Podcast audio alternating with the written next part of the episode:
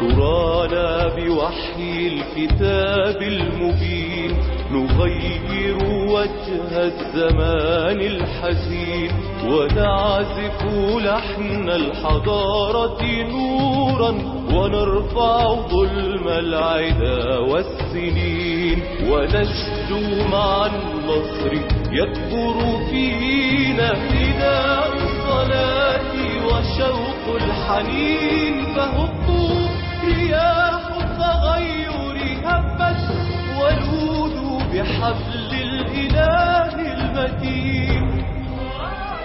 الكسل يقتل الأمل لدى الأمم وعندها يجمد العمران ويتلاشى السعي للكسب ويضعف حافز الدفاع عن النفس فيصبح مطمعا للدول الغالبة حتى لو كانت لديهم ألقاب الملوك وأبهة الملك.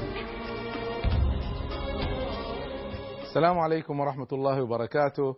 بسم الله الرحمن الرحيم والحمد لله والصلاة والسلام على رسول الله.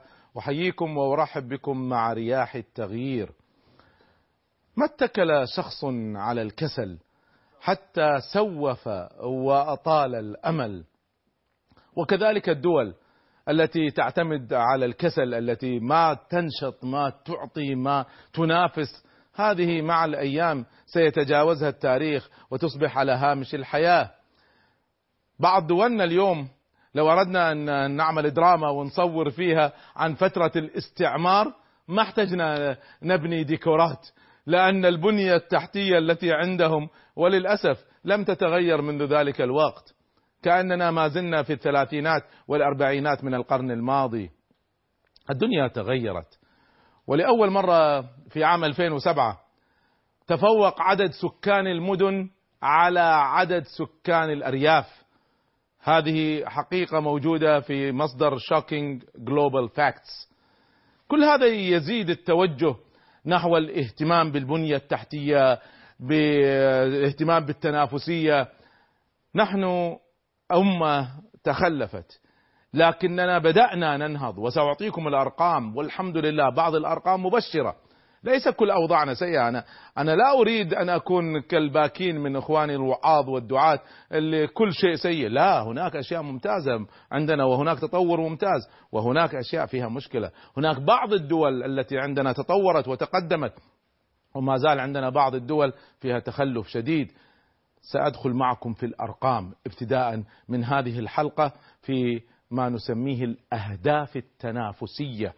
نريد أن ننافس قبل أن نصنع الحضارة لابد أن ندخل مضمار التنافس أصلا نحن في السباق متخلفين نريد أن نكون ضمن التنافس حتى نقود ونسود ونبني الحضارة من جديد دعوني أحدثكم من خلال معادلة التغيير أين هذه هذا اللقاء أو هذه الحلقة من ضمن معادلة التغيير. في معادلة التغيير نحن بدأنا بدراسة الواقع، أين نحن اليوم؟ ثم انتقلنا إلى الرؤية. إلى أين نريد أن نصل، ثم سنستعرض الخطة كيف ننتقل من هذا الواقع إلى تلك الرؤية، ثم سنحدد المقاومة، ما الذي يمكن أن يمنعنا من تحقيق أهدافنا. انتهينا من دراسة الواقع ونحن الآن في الرؤية. في حديثنا عن الرؤيا نتحدث عن أمرين. توصيف حضارتنا ما هي الحضارة التي نريد أن نبنيها؟ ما شكلها؟ ما قواعدها؟ وقد فصلت لكم فيما أسميته مقومات الحضارة الإسلامية مقومات إيمانية وأخلاقية وتشريعية وعملية وجماعية وانتهينا منها والحمد لله.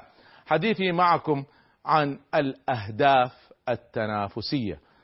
ابتداء من هذه الحلقة سنأخذ الأهداف التنافسية واحدة تلو الأخرى. هم 12 هدف تنافسي سنغطيهم في حوالي 10 حلقات. فإذا حديثنا عن قضية في منتهى الخطورة منتهى الأهمية وهي قضية الأهداف التنافسية. ما هي هذه الأهداف التنافسية؟ الأهداف التنافسية جاءت في العالم من تقرير رئيسي هو تقرير التنافسية العالمي. المنتدى الاقتصادي العالمي منظمة دولية مستقلة The World Economic Forum يشارك فيها قادة الأعمال وقادة الفكر والسياسة وتهدف إلى تحسين الأوضاع في العالم. هذه المنظمة المنتدى الاقتصادي العالمي تأسست في عام 1971 وتتخذ من جنيف في سويسرا مقرا لها. هي مؤسسة مستقلة حيادية غير ربحية. هذه المنظمة هذا المنتدى يصدر تقريرا سنويا هو تقرير التنافسية العالمي. إذا منتدى الاقتصاد العالمي يصدر التقرير التنافسي العالمي. هذا التقرير هو المرجع العالمي اليوم في قياس تنافس الدول وتعتمد عليه كثير من الدول كثير من الدول في آه، معرفة وضعها تعتمد عليه كثير من الشركات في قرارها في الاستثمار في هذه الدول ولا غيرها. صدر التقرير الأول في عام 1979 والتقرير كان بدايته آه، طوره آه، أستاذ في جامعة كولومبيا. هو البروفيسور خفير مارتن في عام 2004 طوره لصالح المنتدى الاقتصادي العالمي ثم تطور كان في ذلك الوقت آه، عملوه تسع معايير ثم تطور فيما بعد ليشمل 12 مؤشر للتنافسية. اليوم العالم يتنافس على 12 أمر. هذه التي سأحدثكم عنها. تقرير الذي سأستعرضه معكم كل الأرقام التي سأستعرضها معكم هي أرقام التي صدرت 2010 2011 فهذه آخر تقرير آخر أرقام حتى الآن. وشمل التقرير 139 دولة. تستطيع أن تتابعوا أي تطويرات على التقرير سنويا من خلال موقع ال World Economic Forum وال Global Competitiveness Report وهو موجود على الإنترنت بالمجان. فيه 12 معيار. في ال 12 معيار هناك معايير تفصيلية. الجميل في هذا التقرير أن التقرير يعطينا ترتيب الدول بشكل عام في كل المعايير وترتيب الدول بكل معيار على حدة وترتيب الدول في حتى المعايير التفصيلية وليس فقط الترتيب وإنما أيضا التقييم. فيعطينا الترتيب من 139 ويعطينا أيضا التقييم من سبع درجات في كل معيار رئيسي وتفصيلي. لن أستطيع أن أستعرض معكم كل هذه الأرقام لكني اخترت منها. في التقرير الأخير تم استطلاع آراء أكثر من 13 ألف شخص من قادة الأعمال في 139 دولة. ودعونا نستعرض الدول الأولى في هذا التقرير. لأول مرة أمريكا تتراجع من المرتبة الأولى في عام 2009 وأيضا تراجعت في 2010 في 2009 أمريكا كانت الثانية في 2010 أمريكا رجعت إلى الرابعة. الدولة الأولى على العالم اليوم هي سويسرا والثانية السويد والثالثة سنغافورة. على مستوى العالم على مستوى كل العالم الخامسة ألمانيا والسادسة اليابان. هذا ترتيب الدول الأولى. دعوني أستعرض معكم ترتيب بعض الدول المتقدمة اللي هي نسميهم الجي 8 اللي هي الدول الصناعية الكبرى ما هو ترتيبها؟ ثم سأستعرض بعد ذلك هذا هذا الآن نحن الآن في الترتيب العام في الترتيب العام. في الترتيب الإجمالي الآن ما ناخذ معيار معيار. بعد ما أخذوا المعايير واحد واحدة جمعوها بمعادلة خاصة وأعطوا الترتيب. نريد أن نعرف نحن أين أوضاعنا. خلينا بس ناخذ ذكرنا هذه الدول الرئيسية. أمريكا أربعة ترتيبها. اليابان خمسة ألمانيا ستة كندا العاشرة على العالم. بريطانيا رقم 12 وفرنسا رقم 15 الكيان الصهيوني على فكرة ترتيبه الآن 24 تقدم كان في السابق 35 في السنة اللي قبلها. الصين تقدمت بقفزة ضخمة كانت في الخمسينات والستينات في السنة الأخيرة قفزت إلى 27 هذا ترتيب خطير ومهم. وعلى فكرة أنا أريدكم دائما تراقبوا أركان آه، أرقام الكيان الصهيوني لأن في بعض الناس يتصوروا أنهم متفوقين علينا في كل شيء. هذا غير صحيح. كان الصهيوني مهترئ من الداخل. في بعض الجوانب هو قوي سنتحدث عنها. تذكروا ترتيب العام للكيان الصهيوني هو 27 أيضا عندما نريد أن نتطور أرجو ما نقيس على فرنسا وبريطانيا. نستطيع أن نقيس على دول أفضل منها بكثير. فإذا أردنا أن نقيس نقيس على الدول المتقدمة فعلا. آه، خلونا ننتقل إلى آه، دول الخليج. ومصر. خلونا ننتقل إلى تقريرها. أين ترتيبنا في هذه الدول؟ آه، نبدأ بقطر وتحية كبيرة الحقيقة لقطر. قطر حاليا هي الدولة العربية الأولى في التقدم على مستوى جميع الدول العربية. ترتيبها رقم 17 كانت 21 الآن السنة اللي قبلها الآن صارت 17 السعودية كان ترتيبها 28 في السنة الأخيرة أيضا تقدمت السعودية تقدم ممتاز ووصلت إلى ترتيب 21 لا تنسون أن إسرائيل الكيان الصهيوني 27 ها؟ فاستطعنا أن نتقدم عليهم. هذا في الترتيب العام ثم سنأخذ المؤشر واحد واحد. الإمارات في 25 عمان. عمان تقدمت تقدم كبير وصلت إلى 34 الكويت للأسف ما زالت متأخرة الحقيقة. بس تقدمت في السنة الأخيرة كنا 51 الآن 35 لكن ما زال أمامنا مشوار كبير. البحرين كانت أفضل من هذا تراجعت البحرين. وأما مصر فترتيبها 81 في عام 2009 السنة اللي قبلها مصر كانت 70 فمصر قاعدة تتراجع ما قاعدة تتقدم. طبعا هذا في ظل الاستبداد. الآن مع الثورة المباركة ومع هذا التغيير نتمنى أن عينكم تكون على هذه الأرقام ويكون عندكم هدف واضح أن نتقدم في هذه الأرقام. سأعطيكم بعض المؤشرات التفصيلية. نأخذ بعض الدول الأخرى. تونس ترتيبها في 2011 32 الأردن نمشي بسرعة. المغرب الأردن 65 المغرب 75 الجزائر 86 لبنان 92 سوريا. شوفوا الاستبداد وماذا يفعل. 97 ليبيا 100 مع كل توفر المال ها 100 وليبيا أيضا في تراجع. كانت الأرقام السنة اللي قبلها أحسن. وموريتانيا للأسف موريتانيا في كل الجوانب في كل المؤشرات كارثة. أنا ما أدري كيف أهل موريتانيا ساكتين. كارثة عندكم. من 139 دولة ترتيب موريتانيا 135 خلينا ناخذ بعض الدول الإسلامية ثم نتوقف للفاصل. آه ماليزيا 26 لاحظتوا أرقام الآن السعودية والإمارات وقطر تفوقت في الترتيب العام حتى على ماليزيا. هناك تقدم واضح. فأرجو أن ما تكون فقط شكوى وإنما يكون عندنا إذا يكون فلسفتنا نقول للمحسن أحسنت وللمسيء أسأت. ففي تقدم واضح لكن ماليزيا ماليزيا كانت 24 تراجعت ماليزيا قليلا. إندونيسيا بدأت تتقدم تقدم الحقيقة واضح. تركيا ما زالت ليست متطورة بالتطور الكافي. تطور سياسي تطور اقتصادي واضح لكن في كثير من الجوانب تركيا على فكرة كانت العام اللي قبله 61 وظلت على ترتيب 61 إيران ما زال أمامها مشوار طويل وباكستان وضعها سيء جدا. وأما نيجيريا فمن أسوأ الدول الإسلامية والعربية للأسف. هذه هي الأرقام العامة، هذا هو الترتيب العام. سنبدأ نأخذ المؤشرات مؤشر مؤشر. سنستعرض جميع المؤشرات. على أي أساس تم هذا التقييم؟ هناك 12 مؤشر سأستعرضها معكم ثم سنأخذها واحدا واحدا. ما هي ال 12 مؤشر؟ سأعطيكم إياها بعد الفاصل إن شاء الله.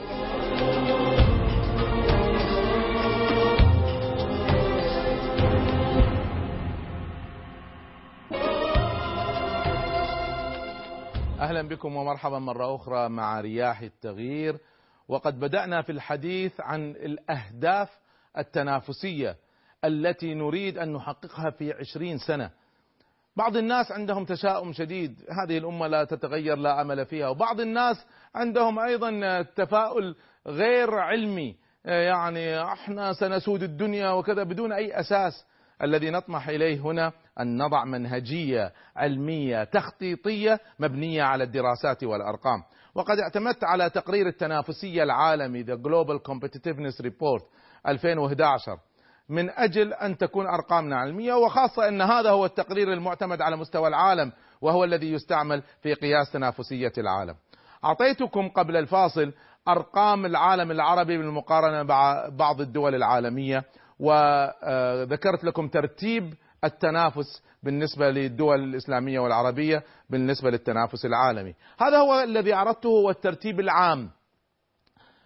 على أي أساس تم هذا الترتيب؟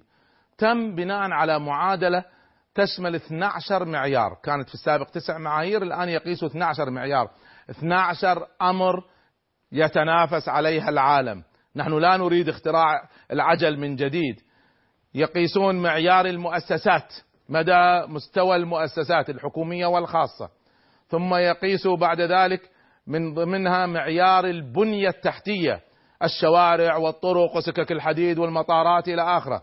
ثم يقيس مدى استقرار الاقتصاد الكلي. هنا بشكل أساسي ما مدى توفر الأموال ما حجم الديون التي على الدولة إلى آخره التنمية الاقتصادية. أيضا الصحة. المعيار الرابع نتكلم عن الصحة والتعليم الأساسي اللي هو التعليم الابتدائي أساسا. دمجوا هذين الأمرين في معيار واحد. الخامسة هو التعليم العالي والتدريب التعليم العالي والتدريب. والسادسة هي كفاءة سوق السلع عملية الإنتاج والسلع اللي موجودة في البلد ما مستواها. الأمر السابع يقيس كفاءة سوق العمل. هنا نتكلم أساسا عن الموارد البشرية. ما مستوى العمال ما مستوى الموظفين ما مدى كفاءتهم. ثم سنتكلم بعد ذلك عن معيار تطور سوق العمل. هنا البورصة ومدى انضباطها والقوانين التي تحكمها إلى آخرة. الأمر التاسع الجاهزية التقنية. مدى استعمال الإنترنت مدى استعمال الاتصالات شبكة الاتصالات مدى انتشارها بين الناس مدى جودتها. المعيار الحادي العاشر هو حجم السوق حجم السوق داخل وخارج البلد. بضائع البلد. كم حجم بيعها داخل البلد وكم حجم بيعها خارج البلد؟ ما حجم السوق الذي تتعامل معه هذه الدولة. الأمر الحادي عشر هو تطور الأعمال معيار تطور الأعمال. ال business development ما مدى المجيء بمزيد من الإنتاجات والإعطاءات في مجال الأعمال وأضيف أيضا مقياس رقم 12 وهو الإبداع. الإبداع. ما الجديد في هذه الدولة؟ في الفنون في الثقافة في, في جوانب الإبداع المختلفة. هذه هي المعايير التي يقاس عليها العالم اليوم. لن نعيد اختراع العجل من جديد. إحنا ممكن نحط معايير ونقول والله سنتنافس على القيم سنتنافس على هذه كلها أشياء جميلة لكن في النهاية لن تدخلك مجال التنافس العالمي. التنافس العالمي اليوم يتم على هذه الاثنى عشر. هذا لا يمنع أن إحنا نضيف بعض الأشياء من عندنا لكن لازم نوفي هذه الاثنى عشر. هذه المعايير كل واحدة منها فيها تفصيل. ونريد أن نحدد أين وصلنا اليوم وإلى أين نريد أن نصل خلال عشرين سنة. أنا عندي أمل أن خلال عشرين سنة وعشرين سنة فقط كافية أن ندخل التنافس العالمي. لكن هل نستطيع أن ندخل التنافس العالمي في كل المجالات في كل المعايير في كل دولنا؟ هذا الذي سأتحدث عنه. أنا ما أعتقد أن كل دولنا تستطيع أن تدخل بنفس السرعة. يعتمد هم أين اليوم وبالتالي نستطيع أن نحدد لهم هدفا. دعونا نتناول المؤسسات في القطاع الحكومي. هذا هو معيارنا الأول آه، في القطاع المؤسسات في القطاع الحكومي والقطاع الخاص. هذا هو الجانب الأول. وسأتناول أيضا في هذه الحلقة إن أدركني الوقت قضية البنية التحتية. البنية التحتية. دعونا نبدأ أولا بالمؤسسات. في المؤسسات آه، مدى جودة مؤسسات الحكومة مدى جودة الوزارات والهيئات الحكومية ومدى جودة المؤسسات اللي هي شركات القطاع الخاص. هذه هي الستة الأوائل على مستوى العالم في هذا المعيار. إذا إحنا أعطيتكم المعيار العام أو المقياس العام لجميع المؤشرات الترتيب العام وهذا الترتيب المحدد لهذا المعيار. في معيار المؤسساتية رقم واحد في العالم هي سنغافورة.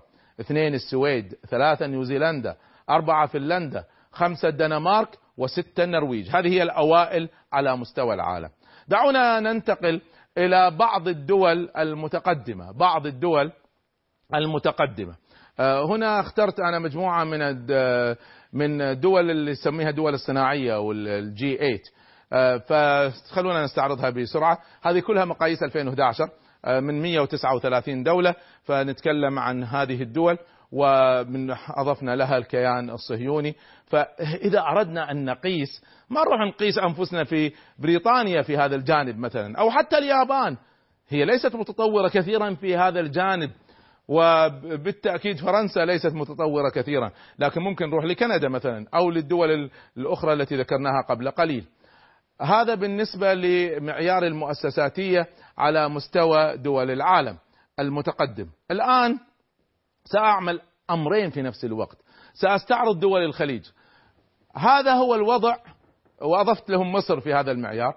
هذا هو الوضع في عام 2010 قبل أن نحرك دعونا بس نشوف الأرقام مع بعض. في هذا الجانب جودة الوزارات وجودة القطاع الخاص مؤسسات وشركات القطاع الخاص. نلاحظ أن الإمارات ترتيبها 20 على مستوى العالم. البحرين 27 الكويت وضعها للأسف متردي 46 وعلى فكرة أنا للأسف يعني الكويت في تقريبا كل المؤشرات ما عدا جانب الاقتصاد الباقي كلها أوضاعها متردية. لابد أن نعمل تغيير جذري في الكويت بطريقة الإدارة الحكومية الحالية لن نستطيع أن ننهض. آه، ففي الكويت آه، سترون الأرقام للأسف السيئة واحدة تلو الأخرى. السعودية تحسنت إلى 21 لكن ما زال أمامها مشوار. آه، عمان تقدمت تقدم كبير الحقيقة في هذا وقطر هي الأولى الحقيقة على مستوى العالم العربي. أما مصر فترتيبها على مستوى العالم 57 57 هذه دول الخليج في عام 2010 خلينا نحرك. أنا عندي أمل أن هذا تقدم السنين. وراء شايفينها على 2011 15 16 17 لابد أن نتقدم. هل نستطيع يعني أن نتقدم بنفس السرعة؟ لا في بعض الناس لازم يشدوا حيلهم. عندي هنا حطيت أنا معيار أن على عام 2030 كل دولة تتقدم بمعيار الثلثين. فاللي كان تسعة يقدر يصير ثلاثة. واللي كان تسعين لازم يصير ثلاثين. اللي كان ستين لازم يصير عشرين. مصر كانت تسعة عشر لازم تصير كانت سبعة وخمسين ممكن تصير تسعة عشر في عشرين سنة. أنا ما أتوقع أن كلنا راح نصير رقم واحد. ما يمكن ما يمكن الجميع يكون رقم واحد. لكن هي فلسفة هنا. فلسفة في التخطيط الاستراتيجي أضفتها على قضية الفكر هنا. فإذا هذا هو ترتيب دول الخليج في المؤسساتية. دعوني أنتقل إلى آه، بعض الدول العربية الأخرى. هذا هو الوضع الدول العربية الأخرى في عام 2010 ونشوف يعني وضع الأردن مثلا. تونس وضعها جيد ممكن تتقدم كثيرا. آه، لكن شوفوا وضع, وضع موريتانيا ولا ليبيا ولا لبنان ولا الجزائر. الجزائر مع كل فلوسها. ليبيا مع كل فلوسها. للأسف بلاد منهوبة. لابد أن يعملوا تغيير جذري. ما يمكن ما يمكن. أنا مرة أخرى أنا ما قاعد أنتقد. أنا هذه بلادي جميعها أعتبرها بلادي وأعتبر أن انتقادي لها حرقة من داخل لأني أنا أؤمن أن هذه الأمة أمة واحدة. فهناك أوضاع سيئة لابد أن نحسنها. في 2010 هذا الوضع خلينا نشوف ما هو الأمل الذي نريد أن نصل إليه. هذا هو تغير الوضع. مرة أخرى اللي كان 120 تقدم إلى الثلثين ممكن يصل إلى 40 اللي كان 21 ممكن يصل إلى السابع. فإذا سنتقدم. الكل يتقدم بمستوى الثلثين. في النهاية المتقدم سيزداد تقدما والمتخلف سيتقدم. لكن طبعا ليس بنفس السرعة مطلوب. من وضعهم تعبان أن يشدوا حيلهم. خلينا ناخذ بعض الدول الإسلامية في هذا المجال. إذا نريد أن نقيس أنفسنا أنا شخصيا ما أنصح أن نقيس أنفسنا بدول آه، إلا الدول المتقدمة. ماليزيا هي واحدة من أفضل الدول الإسلامية. مع ذلك ترتيبها في هذا المجال 42 فليست هي المقياس في هذا المجال، ممكن نقيس أنفسنا في ماليزيا في مجالات أخرى. نشوف أوضاعنا ونتقدم. خلينا نتقدم من عام 2010 إلى عام 2030 ما هو الأمل؟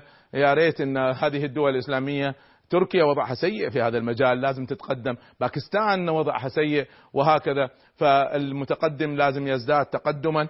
ومرة أخرى اقتراحي أن نتقدم بمستوى الثلثين في كل مكان وهذا هو الأمل الذي نستطيع أن نصل إليه في 2030 إذا هي ليست آمال وشعارات لابد أن نتقدم لابد أن ننهض لابد لا ما يكفي هذا ما يكفي.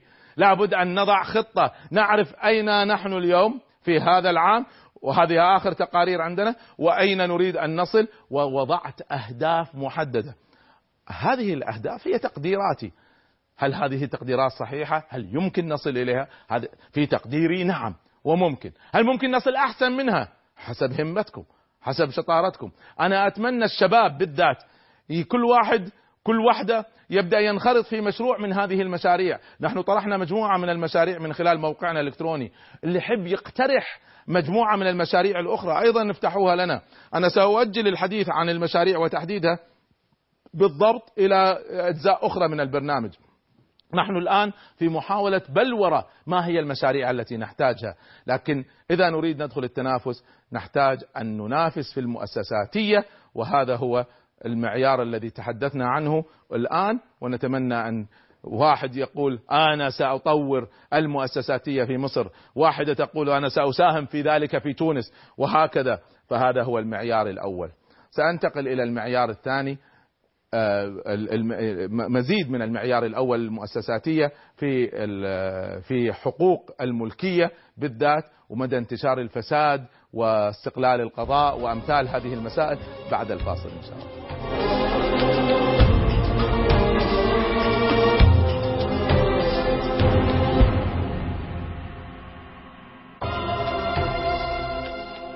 أحييكم وأرحب بكم مرة أخرى مع رياح التغيير. آه، هل هذا برنامج ديني؟ ما هو الدين؟ أليس الدين هو استعراض لكل ما ينفع الإنسان في حياته وآخرته؟ ونحن هنا نتحدث ليس عن الإنسان بل عن الأمة كل الأمة. ما قيمة الوعظ والبكاء والحديث العاطفي؟ إذا لم نتطور ولم ننهض ولم نسد الدنيا من جديد. أنا بالنسبة لي هذا هو حقيقة الدين. حقيقة لما يقول لي برنامج ديني هل معنى البرنامج الديني؟ تحط لي شوية آه، خشب مشبك وراي وأتكلم عن قضايا تاريخية ولا أتكلم عن المستقبل؟ هل هذا هو الدين؟ أنا بالنسبة لي ليس هذا هو الدين. الدين جزء منا أن نفهم الماضي ونتعلم من دروسه ونحلل الواقع. لكن من أجل ماذا؟ من أجل أن نطور المستقبل ونستشرف المستقبل.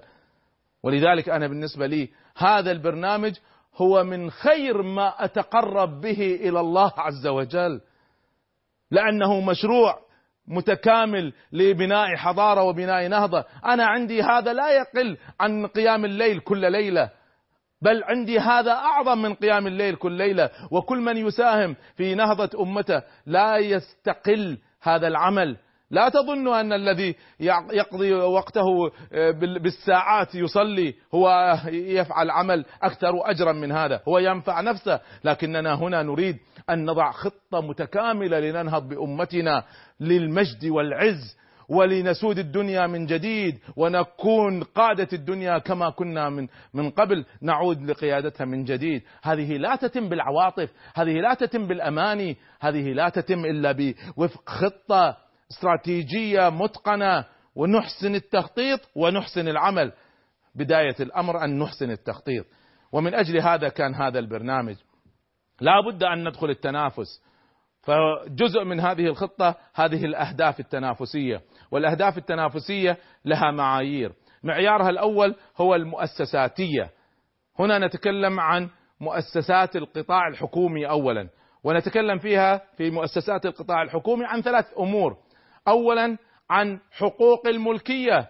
ما مدى حفظ حقوق الملكية في كل دولة؟ ما مدى مستوى دولنا في حقوق ملكية الناس؟ ملكية المباني والأراضي ما يستولي عليها أمير ولا إنسان مقرب من الرئيس ولا غيرها؟ والملكية الفكرية الملكية الفكرية في قوانين عندنا الآن بدأت تظهر لكن ما مدى تطبيقها؟ هذا معيار. المعيار الثاني هو الأخلاق والفساد الإداري. ما مدى انتشار الرشوة؟ ما مدى انتشار المحسوبية وغيرها؟ هذه هذا معيار ثاني للمؤسساتية ومعيار ثالث رئيسي هو الحكم على كل هذا وهو استقلال القضاء. نبدأ نستعرضهم واحدة واحدة. حقوق الملكية لها جزئين. جزء يسموه حقوق التملك. عندما يملك إنسان شركة يملك أرض يملك ما مدى ضمان هذه الحقوق.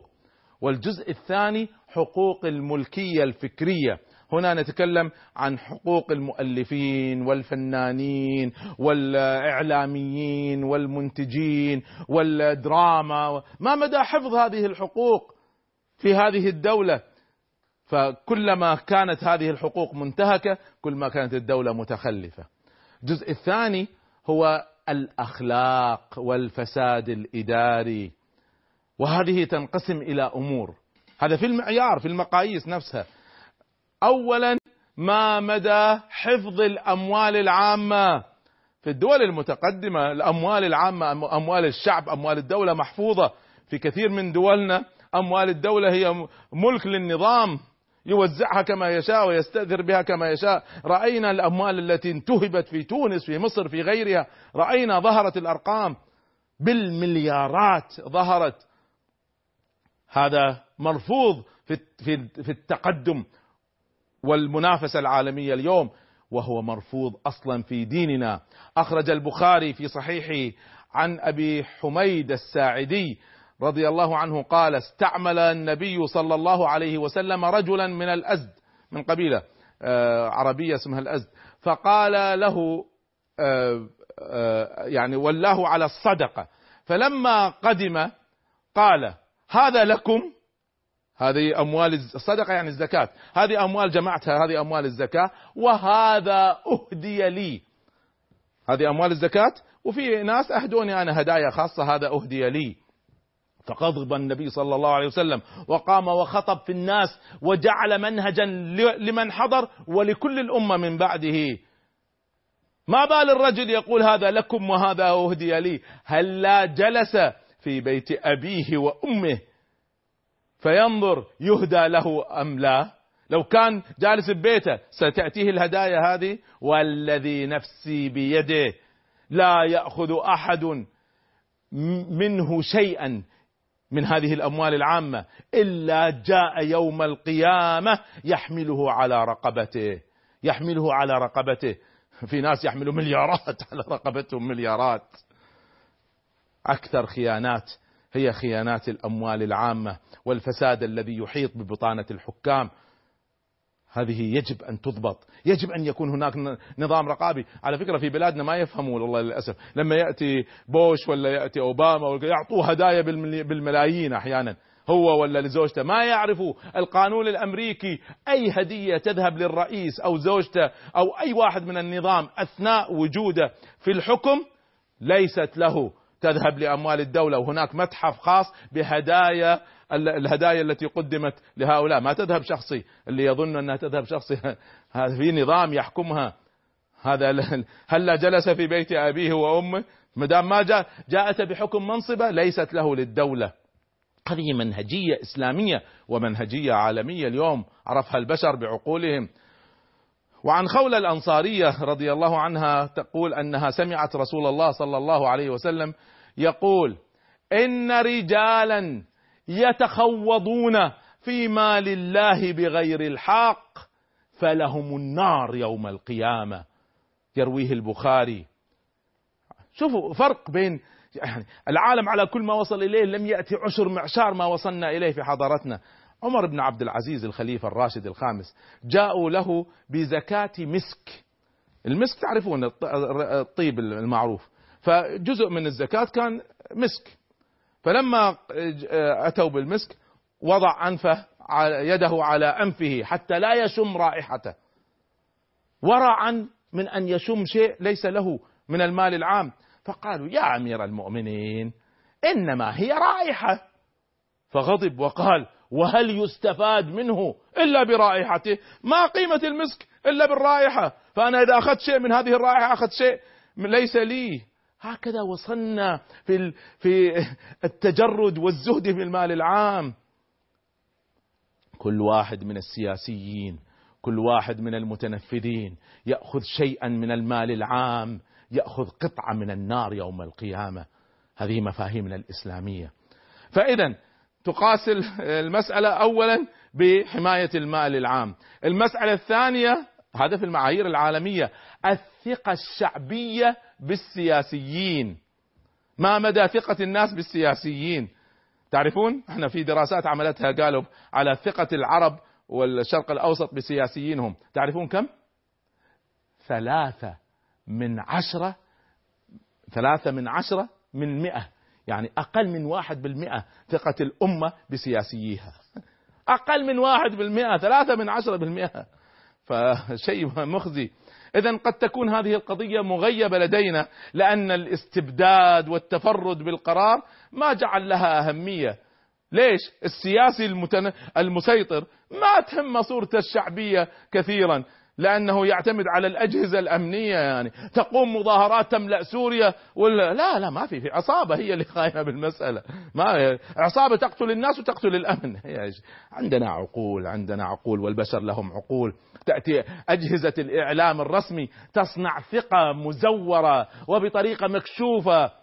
وتبالغ هذه الوسائل في الإنجازات المتواضعة تكبرها وتقدمها على أنها فتح من الفتوح غير مسبوق. هكذا هكذا تعرض المسألة. المقياس الثالث الذي تقاس به المؤسساتية هي استقلال القضاء ومدى تفشي الواسطة. دعوني آخذ في استقلال القضاء ترتيبنا في إذا القضاء ما هو مستقل ضاعت حقوق الناس ضاعت حقوق البشر. خلينا نستعرضها بالأرقام. هذه هذا استقلال القضاء في دول العالم العربي. نبدأ بالخليج ومصر. هنا ليست ترتيبا. هنا درجة من سبعة. هكذا هم عندهم نظامين. في ترتيب وفي تقييم. فأعطيتكم بعض الترتيبات في الأمور الأخرى. خلينا ننتقل إلى تقييم. تقييم من سبع درجات. خلينا نشوف. طبعا كل ما زادت الدرجة كان الوضع أحسن. مصر استقلال القضاء ثلاثة وتسعة من عشرة فقط من سبع درجات. الكويت أربعة وتسعة من عشرة الإمارات أربعة وتسعة من عشرة البحرين خمسة عمان خمسة وواحد من عشرة السعودية خمسة واثنين من عشرة وأفضل دولة عربية في استقلال القضاء هي قطر ستة وثلاثة من عشرة بالمية. فما زال أمامنا مشوار وخاصة عند مصر، طبعا هذا في النظام البائد، واحدة من القضايا التي الشباب الثورة لابد أن يركزوا عليها في مصر هو تصفية القضاء وتنظيفه واستقلاله. القضاة محترمين لكن النظام النظام فاسد فعندها يجب أن تصفية هذا النظام. خلينا ننتقل لبعض الدول العربية الأخرى بسرعة نستعرض الأرقام. ها شوفوا موريتانيا دولة إسلامية اثنين وأربعة من عشرة استقلال القضاء ولبنان والجزائر. كل أرقام مخزية. هذه سامحوني. أرقام مخزية لما يكون القضاة بهذه الدرجة من الفساد. ما وصلوا حتى خمسين بالمية. درجة من سبعة. ما وصلوا حتى خمسين بالمية. و تونس تعتبر الأفضل بين دول المغرب وما زال بينها وبين التطور مشوار. هذا هو واقعنا. ولا بد أن نغيره. إذا عندنا مشكلة وعندنا مشكلة كبيرة. إذا إذا الناس إذا الناس ما يطمئنوا للقضاء وهذه أرقام العالمية للقضاء. كيف سننهض؟ كيف سننهض؟ هذه بعض المعايير. لا بد من تغييرها لا بد من تطويرها. وسآتيكم بمعايير أخرى بالأرقام أيضا لكن بعد الفاصل إن شاء الله.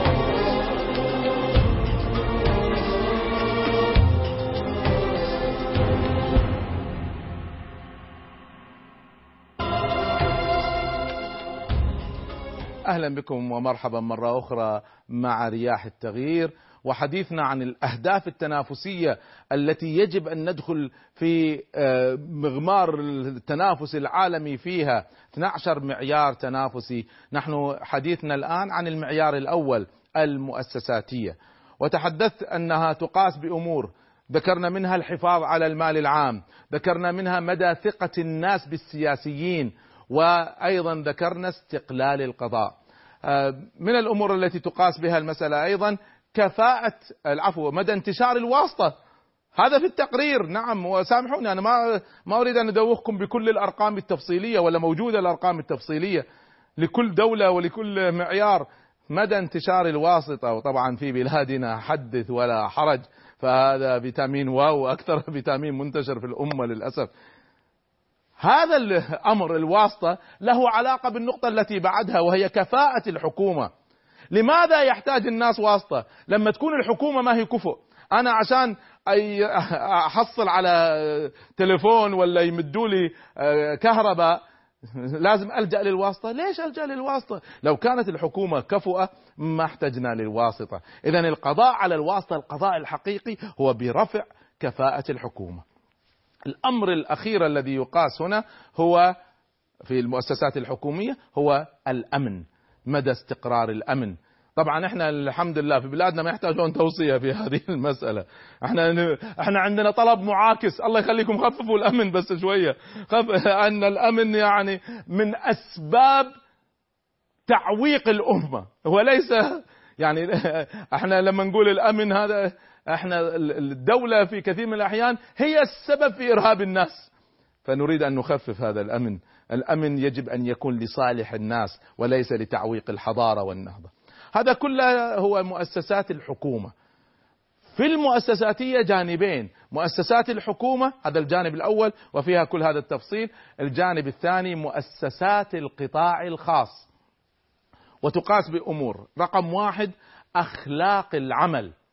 أي الممارسات الأخلاقية للشركات في جوانب التوظيف والفساد المالي. هل هناك محاباة؟ هل هناك تحيز ضد المرأة ضد الأقليات ضد الطوائف؟ وأيضا في هل يستعملوا الرشوة ولا غيرها في الحصول على العقود؟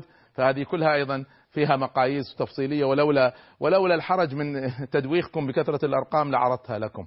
الجانب الثاني التي تقاس به المؤسساتية الخاصة في القطاع الخاص هي المسؤولية أي قوة النظام الرقابي المحاسبي وثانيا فاعلية مجالس الإدارة.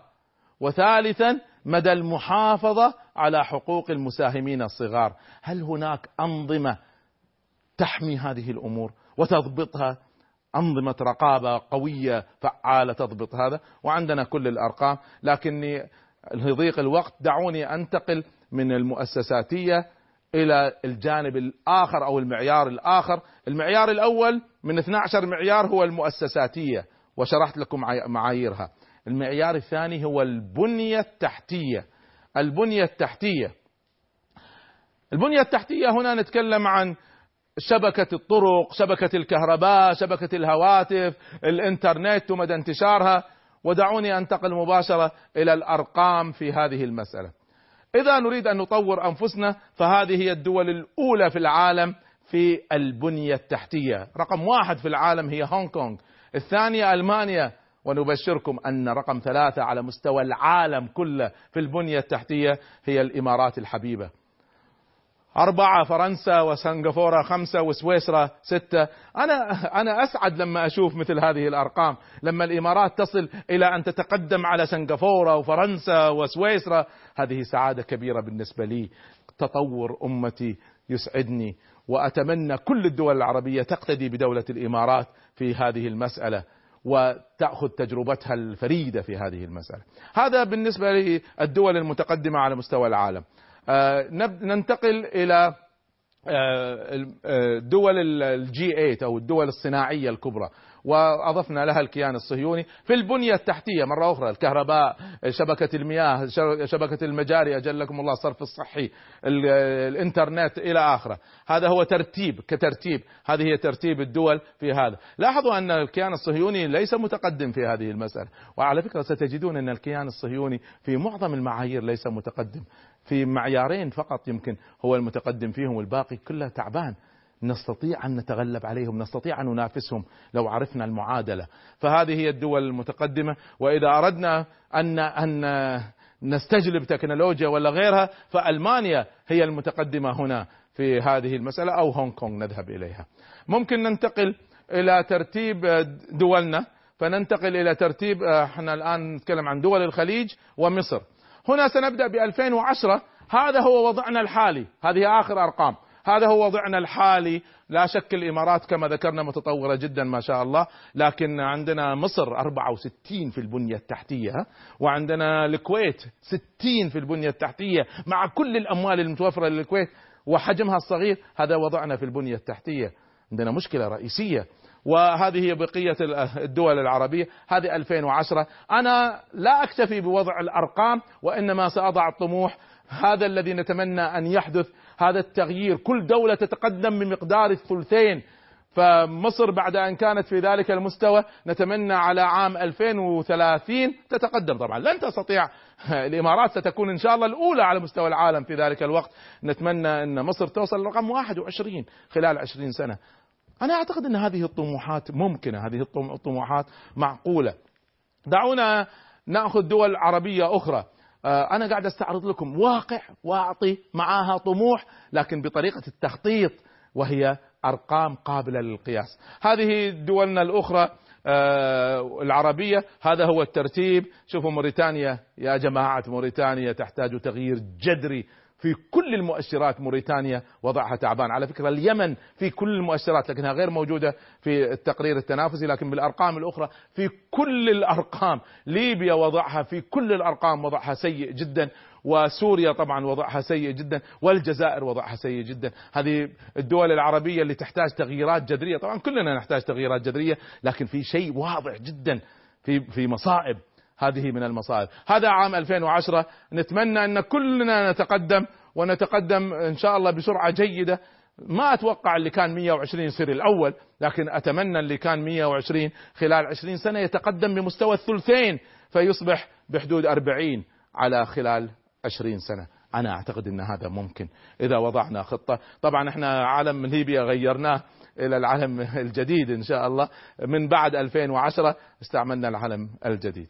طيب فهذا بالنسبة للدول العربية. خلينا ناخذ آه، الدول الإسلامية بعض الدول الإسلامية ونشوف وضعها. لاحظوا أن ماليزيا في في البنية التحتية ليست من الأوائل ها؟ يعني إذا نريد أن نتعلم من التجربة الماليزية نتعلم الأشياء اللي هم متقدمين فيها. يعني آه، في البنية التحتية إذا الكويت تريد أن تتقدم ما تروح تدرس التجربة الماليزية. تروح تدرس التجربة الإماراتية مثلا. ما في مانع أن إحنا نستفيد من بعضنا الإمارات استطاعت أن تستفيد من التجربة العالمية وطورت نفسها. هي قدوة للعالم العربي في هذه المسألة. طيب آه هذه هذا وضعنا. باكستان طبعا بالتأكيد ليست قدوة، نيجيريا طبعا في كل الأرقام آه وضع سيء، طبعا أنا حاط نيجيريا مع الدول الإسلامية لأن فيها يعني آه نسبة عالية من المسلمين واعتبرتها من ضمنهم. هذا هي هذا هو الذي نتمناه خلال عشرين سنة. كيف ستحدث الأمور وكيف تتقدم؟ وأعتقد مرة أخرى أن هذا طموح ممكن خلال عشرين سنة نقفز بمقدار الثلثين إذا هناك فلسفة عامة هنا. فلسفة عامة هنا آه، لقضية البنية التحتية للدولة. هنا نتكلم عن طرق سكك الحديد شبكة الكهرباء الهاتف. وأعطيتكم يعني أعطيتكم الترتيب العام لدولنا في هذا المعيار. آه، طيب. آه، في الختام في ختام هذه هذا الاستعراض العام. ليس كل وضعنا سيء ها؟ ليس كل سيء. في بعض الناس لابسين نظارة سوداء ما في ولا شيء جيد. رأينا التطور اللي جرى في قطر مثلا في الترتيب العام. رأينا التطور الذي أحدثته الإمارات في البنية التحتية وهناك تجارب أخرى. آه، سنجد طبعا إن في بعض الدول ما شاء الله يعني السعودية قفزت قفزة ممتازة في كثير من الجوانب. لا تنظروا بنظرة سوداوية بدون أمل بدون تفاؤل بدون ما نقول للمحسن أحسنت وللمسيء أسأت. عندنا ستكون مشكلة في التطوير التشاؤم لا ينهض بأمة. كذلك التفاؤل الذي هو أقرب إلى الأحلام أيضا لا ينهض لا ينهض بأمة لا ينهض بأمة. أظن عندنا خريطة أخرى لمدى انتشار الإنترنت والتقنية ممكن إذا تقدرون تعرضون لي إياها. إلى أن تعرض الخريطة هذه. دعوني أتكلم بمبادئ عامة. نعم آه، إذا أتكلم شوي. طيب خلينا نأخذ الخريطة. آه، آه، هذه خريطة الآن ليست فقط أرقام. هنا نتكلم عن مستوى الخدمات الهواتف الثابتة والمتحركة والإنترنت. ما مدى مستوى التقنية هذه؟ واحدة من القضايا التي تقاس المقياس اللي بالألوان عندكم أن الأصفر ليس فيه بيانات. الأحمر معناها الوضع ضعيف.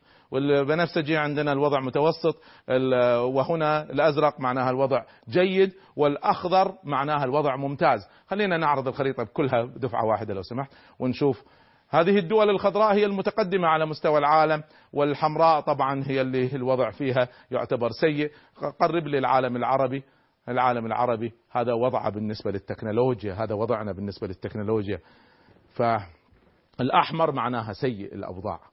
رغم كل استعمال. وانتهي. ليست كم كم جوال عندك ولا كم واحد اشترك بالجوال وإنما مدى فعالية هذا ومدى انتشار الإنترنت وهذه الخدمات آه هذا الذي نتحدث عنه. في بعض دولنا لا شك الحمد لله متقدمة بعضها باللون الأخضر ما شاء الله نستطيع أن نقتدي بها. هذا هي أوضاعنا بالنسبة للبنية التحتية. حدثتكم في هذه الحلقة عن معيارين. من 12 معيار رئيسي يتم التنافس عليها. معيار المؤسساتية في القطاع الحكومي والقطاع الخاص والمعيار الثاني البنية التحتية. من المهم جدا أن نضع نهاية لبيروقراطية الدوائر الحكومية. لا بد أن يدعم القطاع الخاص وتزال المعوقات أمامه. لا بد من العمل الجاد على تحديث البنية التحتية وخاصة شبكة الطرق والنقل والتقنية. هذه بدونها هي أساس النهضة لا لا يمكن أن نصنع حضارة ونهضة وهذه الأمور متخلفة عندنا. في الحلقة القادمة إن شاء الله سنتناول مزيد من الأهداف التنافسية وسندخل في أهداف تنافسية أخرى من بين ال 12 معيار التي حدثتكم فيها وسنأخذها بحلقات متتالية إلى أن تكتمل عندنا صورة الخطة الشاملة للنهضة والحضارة. أدعو الشباب للمشاركة معنا بالذات من خلال موقعنا الإلكتروني ومن خلال الاتصالات في حلقاتنا المباشرة. شكرا لحسن متابعتكم. بارك الله فيكم. والسلام عليكم ورحمة الله.